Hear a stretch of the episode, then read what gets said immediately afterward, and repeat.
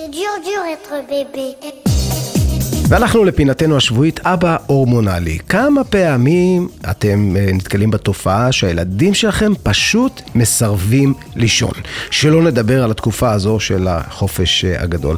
בוקר טוב לך אבי לביעד. בוקר אור, מה נשמע? בסדר, אז תן לנו קצת כמה טיפים או אולי דרכים, איך אפשר לעזור לילדים מהרגע שהם נכנסים למיטה, לילה טוב, לישון, ותוכל להתפנות סוף סוף לארוחת הערב שאתה מחכה לה כל כך, המתקרבת. ול- לטלוויזיה ולחדשות ולרדיו ולכל מה שמסביב. קודם כל, מה הקטע הזה? מה הקטע הזה שהילדים עייפים והם לא רוצים לישון? הם רק נהיים עצבנים, זה לא הגיוני. זה לא הגיוני, זה נגד חוקי הטבע שהם עייפים ולא הולכים לישון. אני עייף, אני הולך לישון, נכון? נכון, גם אני. עכשיו, אתה מכיר את זה שאתה עושה קפה שחור ורגע לפני שהוא גולש אתה מוריד אותו מהגז? מכיר? אז ככה גם ילדים, רגע לפני שהם מתעייפים, ישר, מקלחות, ארוחות ערב וישר למיטה, כי אם אתה מפספס את הקטע הזה, ישר הם נהיים ערניים ואין, חגיגות כל הלילה. מה שנקרא לשמור על השגרה. בדיוק. עכשיו, יש כמה שיטות להרדים ילדים, אנחנו נדבר על הפרקטיות, לאו דווקא חינוכיות, אבל הפרקטיות.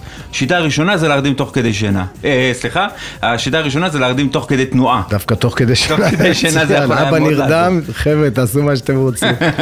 למשל, אתה לוקח אותם לסיבוב בשכונה, או בפארק, או בחדר אשפה, לא משנה מה, העיקר שיהיו בתנועה כדי שירדמו.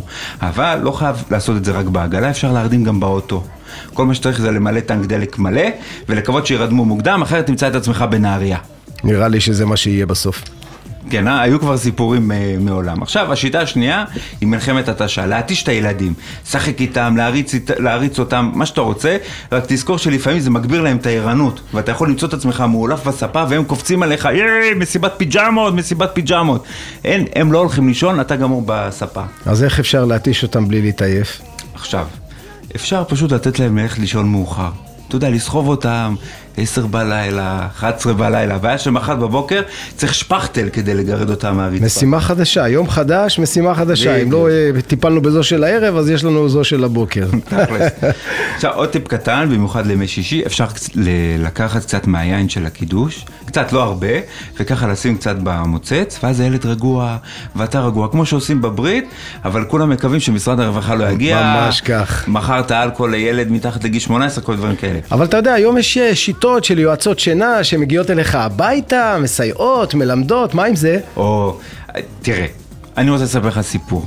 היה לנו יועצת שינה, אוקיי? שבאה ואמרה, כל פעם תשב ליד הילד, תנסה להרגיע אותו, כן. אוקיי? עכשיו אתה עם הכיסא לידו, כל פעם שהוא נרדם תלך קצת אחורה, כל פעם שהוא, מת, שהוא מתעורר תלך קצת קדימה, אתה הולך אה, אחורה, קדימה, אחורה, קדימה, יום, יומיים, שנה, שנתיים, זה נגמר.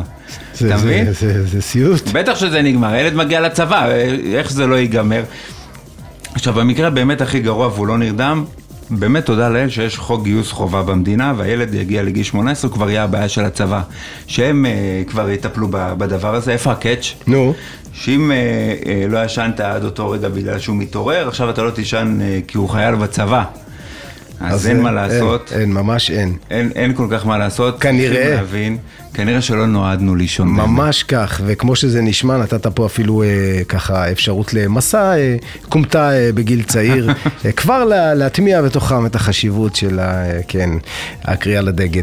אבי לאביעד, אה, שיהיו fighters, כמו שזה נשמע פה, הילדים שלנו באמת אה, צריכים סיפור טוב לפני השינה, אולי איזה מוזיקת... אה, האוס ככה, אה, שיקשיבו לרדיו 90 בלילה לפני השינה, אני מאמין שזה יעזור להם אה, ככה להישאר ערים. נכון. ולהשאיר גם אותך. אה, טוב, אבא הורמונלי, אנחנו אה, מודים לך על הפינה, ובשבוע הבא אנחנו נהיה עם אה, עוד אה, פינה ועם עוד חוויה ועם עוד אה, אה, טיפים להורים. תודה ויום נפלא. יום נפלא, ביי ביי. להתראות.